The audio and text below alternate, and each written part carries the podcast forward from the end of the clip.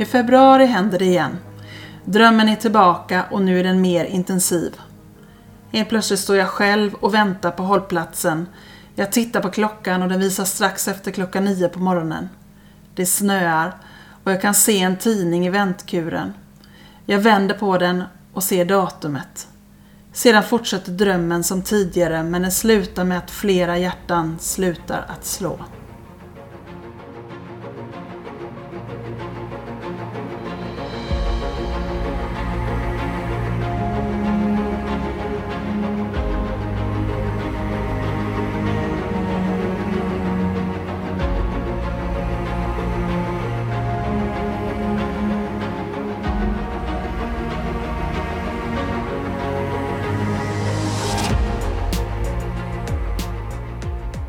Varmt välkomna till vår podd Magiska möten. Här delar vi med oss av våra upplevelser till er lyssnare genom att berätta om spännande och på olika sätt känslomässiga möten som vi genom åren haft med det övernaturliga. Sedan man var liten har man fått lära sig att sanningen endast kan bevisas genom fysisk existens. Men i den här podden släpper vi logiken och låter känslorna och intuitionen leda oss rätt. Vi heter Caroline och Mikaela och ska ta med er på vår resa in i det okända. Nu börjar Magiska möten.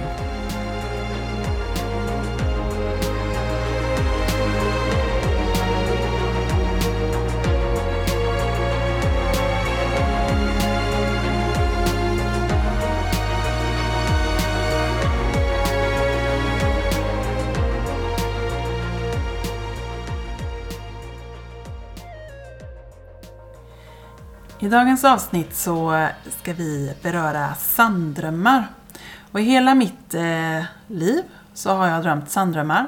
Ända från jag var väldigt, väldigt liten. Och eh, många av de här sanddrömmarna har kanske inte alltid haft eh, en positiv karaktär. Det handlar om olyckor, det handlar om saker och ting som ska hända som, som inte alltid har eh, varit positiva. Och det här är en av eh, de sanddrömmarna som jag har haft. Och I det här poddavsnittet så kommer Mikaela att eh, ta med er i en berättelse som hade en oerhört tragisk utgång. I Varsel från framtiden.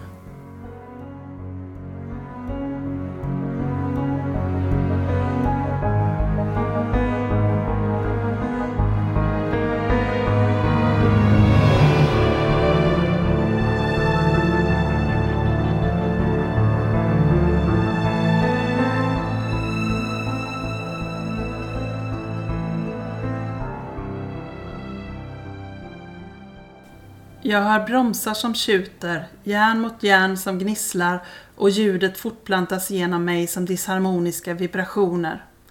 Jag ser ett stort tåg komma rusande ner för en backe och på sidorna finns hus som omgärdar gatan som tåget kommer nerför. Allt går fort, men jag hör människor skrika, bilar tuta och den fruktansvärda kraschen av glas som krossas, plåt som pressas samman, järn som möter asfalt och järn och människor som skriker i panik och sedan blir allting svart. Jag känner ångest, stress och skräck inför vad jag upplevt. Jag svävar tyngdlös i allt det svarta en stund innan jag sakta, sakta ser något framträda för mina ögon. Ur den svarta bakgrunden ser jag ett människohjärta träda fram. Jag hör den taktfasta rytmen av hjärtslag och dess universella kraft ger mig lugn och min puls går ner i takt med hjärtslagen som jag hör. Plötsligt stannar hjärtat och hjärtslagen tystnar och jag vaknar upp i min säng av att jag gråter och skriker. Den här mardrömmen återkom med jämna mellanrum under hela hösten. Ibland var den mer detaljerad och sekvenserna längre och ibland var det nutid och ibland var det lite längre tillbaka i tiden Bilarna var gamla, tåget var gammalt, klädseln på människor var annorlunda, som någon gång i början på seklet. Jag förstår inte alls drömmen. Varför skulle tåg köra på en gata i en stad och vad betyder det ens? Under hösten så tänkte jag ofta på drömmen utan att helt förstå den. Jag pratade med mina vänner utan att få någon klarhet. Det enda jag var säker på det var att det var ett dödsbud av något slag. Men vem skulle dö och varför? Och framförallt, varför fick jag veta det? I december återkommer drömmen mer frekvent än innan. Nu drömmer jag den en gång i veckan och fler detaljer börjar formas fram. Jag ser blått polisljus, jag ser att det är människor som blir påkörda både i bilar och gående och jag börjar se detaljer på husen runt omkring. När jag sömndrucken är på väg till skolan en dag strax innan jullovets början så tvärstannar jag. Helt plötsligt känner jag igen husdetaljerna från drömmen och jag vet plötsligt med klarhet vart min dröm utspelar sig. Det blev även klart för mig att det inte rör sig om ett tåg utan att det är en spårvagn. Det blev med ens tydligt och klart för mig att detta är ett varsel, en sanddröm och det är ett varsel om en annalkande katastrof. Tårarna rinner längst ner mina kinder och jag huttrar i den kyliga morgonen. Jag blir oerhört berörd och ganska skrämd av denna vissheten. Väl i skolan har jag svårt att fokusera på undervisningen och mina tankar vandrar allt mer ju längre dagen går. Till slut så pratar jag med en av mina vänner och hon kommer med det kloka rådet att vi ska leta efter information. Det kanske redan har hänt en sån här olycka. Väl på stadsbiblioteket så letar vi i gamla tidningar och hittar med hjälp av några duktiga bibliotekarier en, och väldigt mycket sökande en notis om en olycka på 30-talet i just den backen. Det verkar som om ingen blir skadad i olyckan och jag känner mig lite grann lugnad och tänker att det måste ändå vara någon form av platsminne som jag har fångat upp och allt det här andra är nog bara min hjärna som spelar mig ett spratt. Drömmen försvinner under jullovet och kommer inte tillbaka en enda gång och jag känner mig allt säkrare på att det inte var någon form av varsel. Trots det tar både jag och mina vänner alternativa vägar till skolan och går av på tidigare hållplatser för att inte vara i närheten av den här platsen i drömmen. I februari händer det igen. Drömmen är tillbaka och nu är den mer intensiv. Jag står själv och väntar på hållplatsen och jag tittar på klockan och den visar strax efter klockan nio på morgonen. Det snöar och jag kan se en tidning i väntkuren. Jag vänder på den och ser datumet. Sedan fortsätter drömmen som tidigare men det slutar med att flera hjärtan slutar slå. Jag är alldeles skakig när jag vaknar upp och den känslan vill inte släppa mig på hela dagen. Mina vänner blir upprörda och menar att vi måste kontakta någon och berätta så att olyckan kan förhindras. Jag säger till eh, dem att det inte är någon idé för det är ingen som lyssnar på ungdomar. Men tanken gnager i mig att kan man rädda liv så ska man ju självklart göra det. Jag tar mod till mig och ringer till polisen. Där de vänligt men bestämt meddelar att de löser brott och tar hand om olyckor som har skett de arbetar inte med varsel och sanddrömmar eller medium. Men jag vill i alla fall att de antecknar tid och datum och plats så de kanske kan hålla ett extra öga där. Polisen skrattar, men jag tror inte han gjorde någon notis och modstulet lägger jag på luren. Min väninna möter på samma skepticism när hon kontaktar spårvägen och de talar om att de har jobb att sköta, att hon ska sluta busringa och uppta viktig tid från dem. Trots detta försöker vi vid flertalet tillfället kontakta dem, men det är ingen som vill lyssna. Till slut står jag inte ut med vetskapen om att något ska hända, den ständiga mardrömmen och all sömnlöshet och ångest och jag kontaktar ett välrenommerat medium för att få vägledning. Hennes kloka ord, medkänsla och verktyg inför hur jag ska kunna arbeta med mina sanddrömmar är som balsam för själen. Att möta någon som förstår och som tror på en när man är ung och vilsen, det är fantastiskt och det ger mig en känsla av att inte behöva bära en så tung börda alldeles ensam. Morgonen som olyckan inträffar ligger jag nerbäddad i feber och influensa och kan inte gå ut.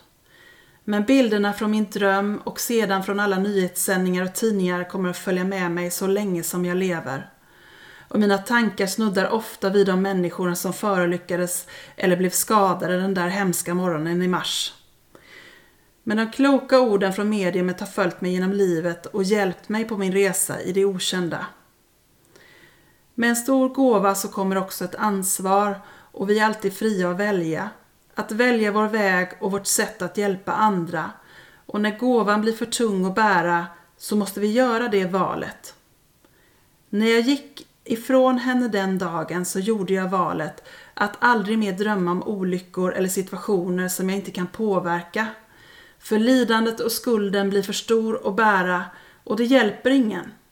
Min gåva var till för att hjälpa andra och ge dem tilliten till livet, det fria valet och allt det underbara ljuset i mötet mellan oss själar.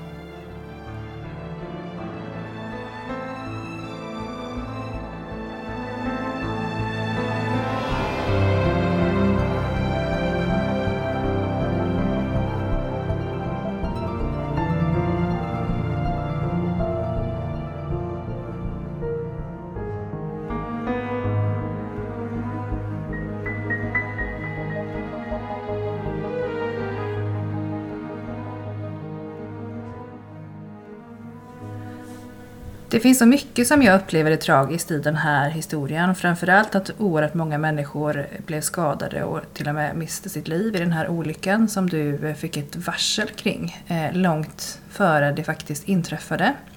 Eh, och någonting annat jag upplever som ja, absolut inte är lika tragiskt men det är ju också känslan som du beskriver av att vara Eh, inte tas emot på allvar utan vara någon som försöker att göra sin röst hörd men inte lyckas.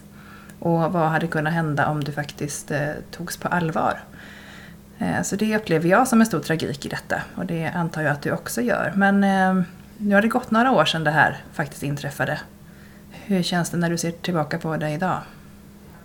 Ja, det har ju gått jättemånga år sedan det här inträffade men, men eh, jag kan ju fortfarande känna den känslan. Eh, jag var ju 16 år gammal så jag var ju inte så jättegammal, i gymnasiet och det var ju en ganska stor händelse tror jag för alla ungdomar runt omkring där som gick på gymnasiet och även människor som bodde runt omkring och som var inblandade här och så. så det var ju en, en stor sak i samhället. Mm. Alltså för många människor. Men för mig så jag mådde ju så oerhört dåligt av det här. Och under ganska lång tid fick jag ju liksom varje natt vakna upp till de här liksom bilderna utav händelseförlopp och utav olika saker. Så att, så att jag mådde oerhört dåligt. Fick du eh, även skuldkänslor tänker ja, du? oerhörda skuldkänslor. Jag kände mig liksom, jag skämdes över att varför fick jag leva och varför fick jag veta detta och varför kunde jag inte förhindra, varför kunde jag inte hjälpa någon annan och så. Så jag hade under ganska lång tid faktiskt riktiga skuldkänslor. Mm. Och det gjorde nog också ganska mycket att jag på sikt, inte exakt då men senare fjärmade mig från, från min gåva totalt och mm. kände att jag vill inte riktigt ha med det att göra. Nej. För vi har ju pratat i flera avsnitt hittills om att det här faktiskt är en gåva som du har och som många har, att eh, vara medial på ett eller annat sätt. I det här fallet så kanske det snarare upplevs som en förbannelse. Att man ska behöva ta del av och få reda på och kunna se sådana här saker innan det händer. Eh, när man då dessutom inte kan påverka det. Ja, och så kunde jag ju ibland uppleva det också när jag var yngre. För att jag drömde ju oerhört mycket olika tragiska händelser och saker och ting som skulle inträffa och hända och det var jordbävningar och det var krig och det var svåra trauman och sånt. Och det, det är liksom för mycket att hantera när man är liten. Eh, och det är också för mycket att hantera även om man är vuxen tänker jag. Alltså mm. det är svåra saker för alla. Men att bära på alla de här bilderna, de här minnesbilderna och också känna den här, som du säger, maktlösheten. Att man inte riktigt kan... Det är ingen som tar den på allvar och det är ingen som lyssnar heller utan man är bara, ja, som de sa här, liksom, sluta busringa ungefär. Mm. För vi, vi gjorde jättemycket för att försöka få någon att lyssna på att det kommer hända någonting och sådär. Mm. Men, eh, men det var ingen som riktigt var sugen på att lyssna på det. Eller kunde kanske. Nej. Eller. Ja, det är ju svårt att liksom sitta och spekulera, men vad tror du hade kunnat hända om ni faktiskt hade blivit lyssnade på och tagna på allvar? Hur mycket kan man påverka någonting som då verkar redan vara så förutspått eller liksom bestämt att det ska hända att du nästan ett år innan får till dig att det kommer att hända och när det ska ske? Alltså hur mycket kan man påverka tror du framtidsvisioner som man ser? Det är oerhört svårt att säga, man, man kan kanske inte till 100% men det jag tänker att man, man skulle kanske i alla fall kunnat förhindra att utgången blev så oerhört tragisk. Man, man kanske kunde mildrat det lite grann, tänker jag. Genom att veta om saker och ting. Eller man, man alltså, till exempel om någon, om man får ett varsel om någon som skulle förolyckas i en bilolycka och man säger till den att den inte ska åka hemifrån så kanske den halkar och slår sig illa och bryter sig istället på uppfarten men, men den dör i alla fall inte. Så vill jag gärna tro att det är i alla fall. Men eh, jag har ju inga som helst belägg för det eller vet så och jag har inte pratat med jättemånga andra som har drömt så här mycket liksom mardrömmar eller sanddrömmar eh, utav det slaget heller. Så jag har faktiskt aldrig riktigt, riktigt kunnat diskutera det med så många andra. Däremot vet jag att det är väldigt, väldigt vanligt att om man har mediala gåvor att man sanddrömmer. Mm. Och jag vet inte alls digniteten utav sanddrömmeriet, alltså på vilken nivå eller så heller. Men efter den här händelsen så bad jag ju om att aldrig mer behöva sanddrömma. Mm. Eh, för att jag känner att det är ingen idé för mig att få bära runt på massa hemskheter som jag ändå inte kan göra någonting åt.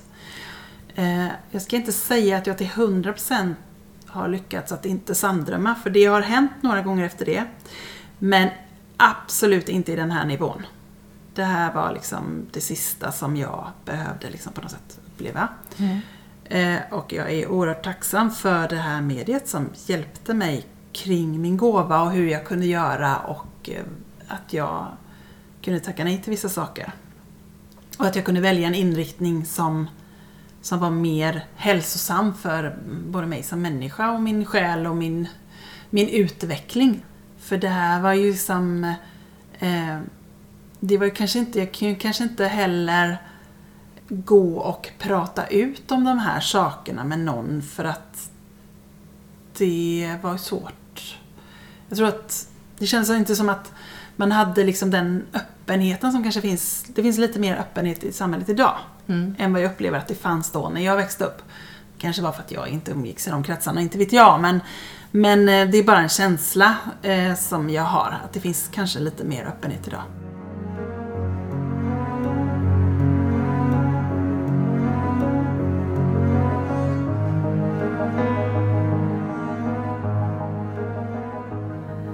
Du har ju i tidigare avsnitt också berättat Mikaela att du har haft en god vägledning via dina guider som vi också pratade lite mer om i avsnittet Ängen i solnedgången.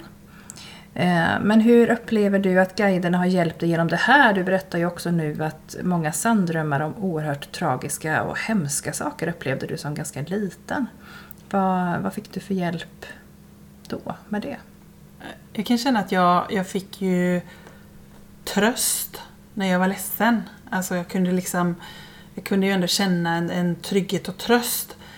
Men jag fick ju kanske inte en sån direkt vägledning som jag kunde få utav ett, eh, ett medium när jag gick till det. Nej. Alltså, jag tror att det är lite det där som jag, som vi har pratat om förut, att man behöver ju faktiskt en, en, en människa som kan coacha en och guida en lite granna när man har en, en, en gåva som är svår att hantera eller man inte riktigt vet.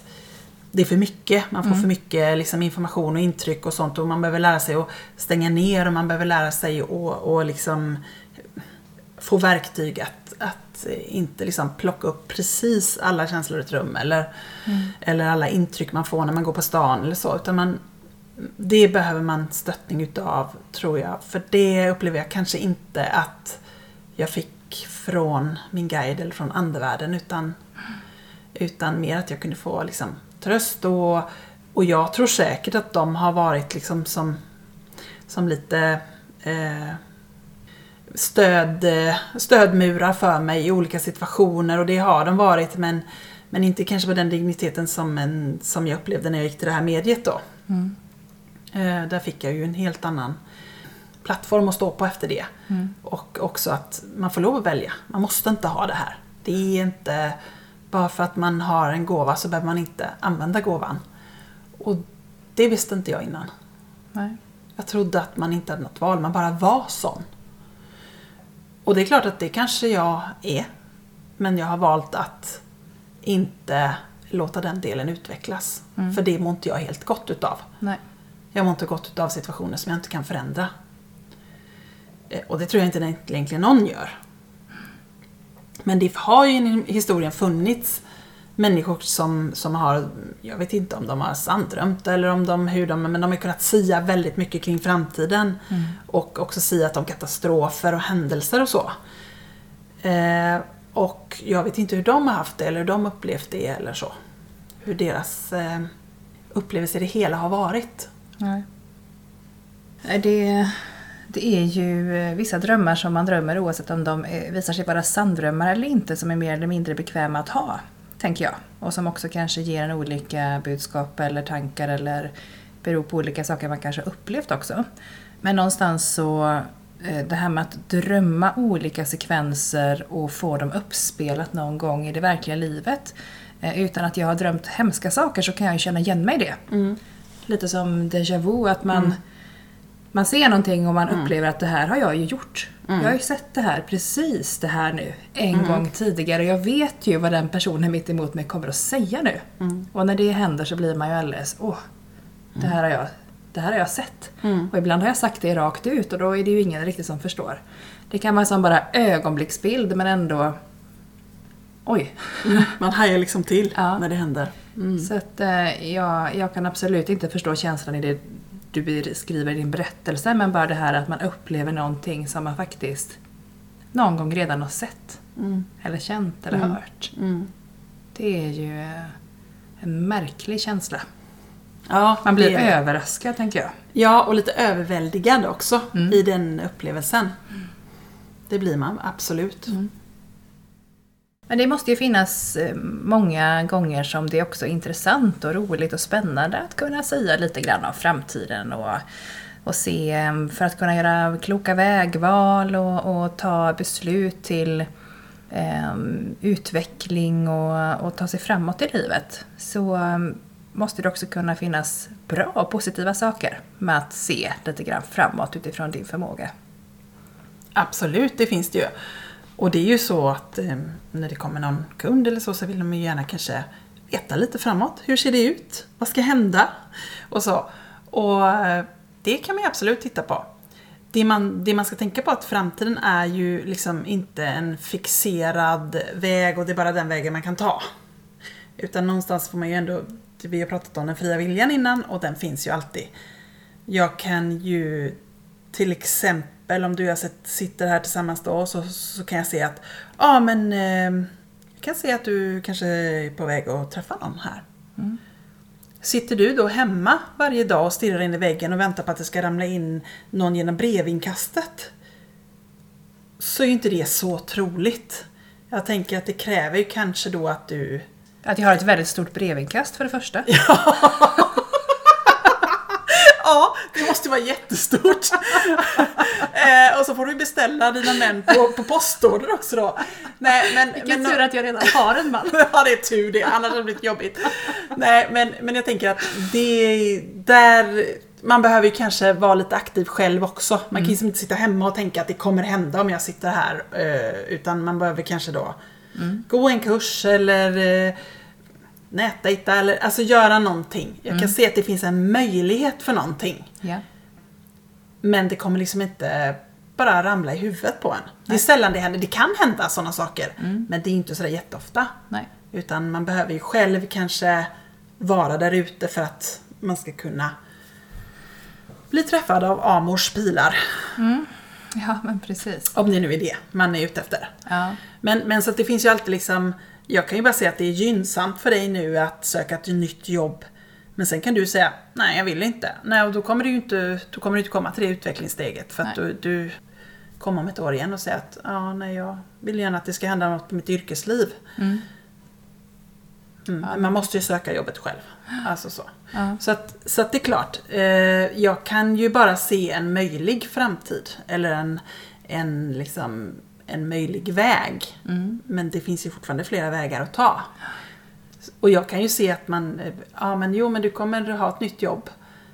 Ja, men du kunde haft ett nytt jobb liksom nu. Men det kanske tar fem år innan du, innan du faktiskt söker det nya jobbet då, om du känner Mm. att du vill välja själv.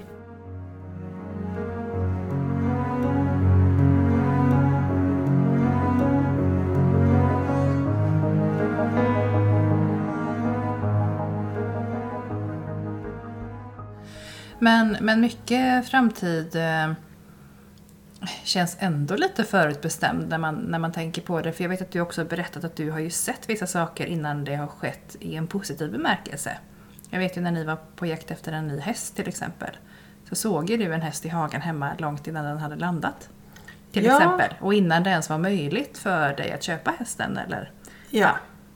Det var väldigt tydligt att när jag träffade den hästen så såg jag den gå hemma utanför mitt hus. Och då hade jag ju varken möjlighet eller eh, någon tanke på att köpa den eller någonting. Jag bara, men den går hemma hos mig så att jag, jaha, okej. Ja. Ja. Så att eh, så kan det vara. När man kan se liksom, sekvenser eller bilder eller så. Då känner jag att det kommer nog hända liksom. Jag kan känna att ja, jag kan se mig själv där och då i det tillfället. Hålla en föreläsning eller åka utomlands eller vad man nu gör. Men, ehm, men jag kan liksom inte exakt säga exakt när. Men jag kan se att det kommer att hända. Men om du ser sådana sekvenser eller bilder, är det ibland så att du också inte upplever dem på riktigt? Nej, det har inte hänt än så länge. Nej. Det kan jag inte minnas att, det, att jag har sett något. Inte när jag... Det är på något sätt att jag ser en bild och så bara känner jag på något sätt en visshet i mig. Jag vet inte vad jag ska liksom jämföra det med, men jag bara känner mig... Det är som, som berättar med den här hästen, att jag ser den där. Jag har ingen aning om hur den ska komma dit eller vad, hur, men jag ser den där. Mm. Då vet jag att då är det liksom inte på låtsas utan då kommer den komma. Mm. Men när är svårt att säga. Tid är alltid lite svårt tycker jag. Det är en del som är jätteduktiga på det men där är jag lite så här tveksam med just tidsbegreppet. Mm. Ser du eh, sådana bilder och sekvenser utifrån dig själv, utifrån din familj eller kan du ibland till och med få liksom världsperspektiv på saker? Nu har du ju bett till exempel om att slippa de här sanddrömmarna men kan du få sådana förnimmelser utan att du behöver drömma det som rör liksom kanske till och med fler än dig själv? Jo men det kan jag absolut få. Eh, det kan jag. Men jag måste kanske lite mer aktivt söka efter det. För att få upp det. Det är inte så som, som det var förr. Att jag drömde och bara visste saker och ting så. Utan nu är det mer liksom att, när, om du frågar mig, men, ja, men hur kommer det se ut i politiken nästa år? Då får jag liksom gå in och titta aktivt liksom. För att jag ska få upp bilder så. Brukar du skriva ner det som du får till dig då så att du också kan se om och när det händer? Jag är lite dålig på det. Mm. Jag skulle nog kanske bli bättre på det och skriva ner. Men oftast är det ju så att om det är någon som liksom frågar efter någonting så kanske den skriver ner det. Mm. Och då kan de ju höra av sig efterhand och säga att ja men du, det som du sa då, det stämde. Fast det hände två månader innan du sa att det skulle hända. Ja, okej, fine. eller två månader efter, eller så. Mm, Alltså, för just det där med tid kan vara lite... Det hänger ihop med många olika saker. Ja, precis. Och på tal om tid och dåtid, och vi har pratat tidigare liv, eh, nutid och också då framtid. Vad, vad tycker du är lättast att ta in och få förnimmelser ifrån? Jag vet inte. Jag upplever nog att jag rör mig både i dåtid och framtid utan, alltså det, är ingen skillnad för mig Nej. att gå bakåt i tiden eller gå framåt i tiden. Det är liksom, det, på något sätt är det samma sak, bara det att man vänder sig åt två olika håll kan man säga. Mm. Eh, så att det tycker jag nog inte är... Nej, det känns väldigt naturligt båda två. Det är lite intressant för om man ser det från ett perspektiv där man kanske inte har den förmågan som, som du har eller att den är så utvecklad så borde det per automatik vara mycket lättare att gå tillbaka i tiden för där har man ju facit. Medan framtiden har man det ju inte nu. Nej men för mig spelar det ju ingen roll med facitet. Jag bryr mig ju inte om eh, det här låter ju jättekonstigt kanske, men jag bryr mig inte om beviset. Jag vet ju att det här stämmer. Mm. Så jag behöver ju inte få det bekräftat att ja, mm, det spelar ingen roll om jag får det om ett år eller fem år, eller det gör inte mig någonting. Eller om, man, eller om det redan finns. Däremot kan ju andra människor kanske, om man nu är väldigt tveksam till saker och ting och jag tror inte på sånt här och sådär. Då kanske det är lättare att få en framtidsförutsägelse som slår in sen. Mm. Än att man får någonting som folk kan hävda att ja, men det har du säkert kollat upp att det har hänt mig. Mm. Sen att inte jag sitter och googlar alla människor jag träffar, det är ju en helt annan sak. Det skulle jag ju aldrig ha tid med. Eller ork, eller jag vet inte riktigt. Nej. Men, men många människor kan ju liksom tro det att jag lägger all min tid till att eh, stalka folk på sociala medier eller vad, eller vad man nu har lagt upp. Eller att du kan ha kollat upp att jag bodde på den gatan när jag var tre år. Ja, jo, det lägger jag ju kanske inte tid på. Men om man liksom, jag tror att är man väldigt skeptisk så kanske det är lättare att få en framtidsförutsägelse som sen slår in att man liksom, för att det, det kan jag ju inte ha kollat upp om det nu är så. Men kan du inte beskriva, om du kan, med ord hur du får till den här informationen då? För då är det inte så att du får information bara via andar och andevärlden Nej. eller via dina- guider till exempel. Utan hur får du information från dåtid och nutid och framtid? Jättebra fråga. Jag får det liksom kanaliserat att jag, jag går liksom in, jag ska försöka förklara på ett bra sätt här men om vi tänker oss att tiden är linjär. Att det är som ett streck liksom. Eh, och att här och nu är på mitten av strecket, framtiden är eh, liksom framåt och dåtiden är bakåt. Då kan man säga att jag rör mig längs den här linjära tidsaxeln. Eh, och liksom kikar in på den vid olika tillfällen. Och då är det ju lika lätt att röra sig åt höger som åt vänster så att säga. Eller bakåt eller framåt eller hur man nu ser den då. Det är ju som så mycket annat. Bilder och eh, känslor, sinnesstämningar, upplevelser. Alltså jag känner i kroppen saker och ting. Jag kan liksom inte riktigt... eh, Jag både ser, hör, upplever, känner saker och ting.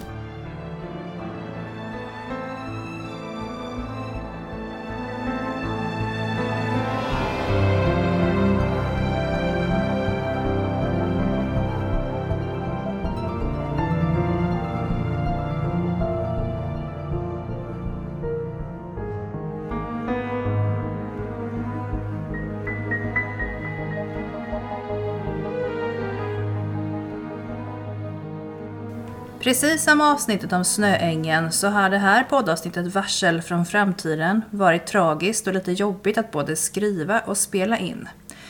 Men vi hoppas i och med den här berättelsen att ni som lyssnar fått till er lite ny lärdom och förhoppningsvis inte blivit avskräckta utan snarare tvärtom.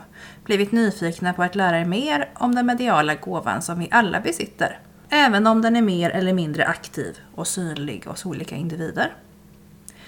Mikaela ska nu skicka med er några väl valda ord tills vi hörs igen nästa vecka. Mm. Att hitta vägen genom livet och lära sig förstå sig själv och det som man upplever kräver ibland att man söker stöd och hjälp.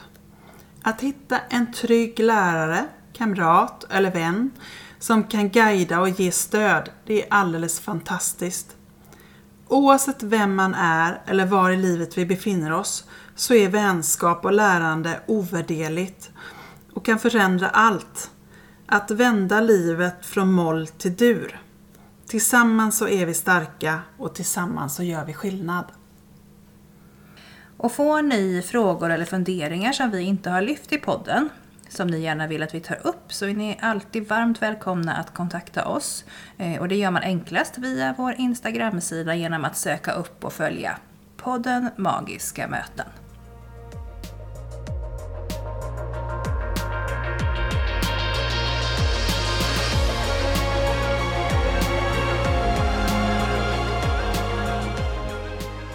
Sedan man var liten har man fått lära sig att sanningen endast kan bevisas genom fysisk existens. Men i den här podden släpper vi logiken och låter känslorna och intuitionen leda oss rätt. Tack för att ni har lyssnat på Magiska möten.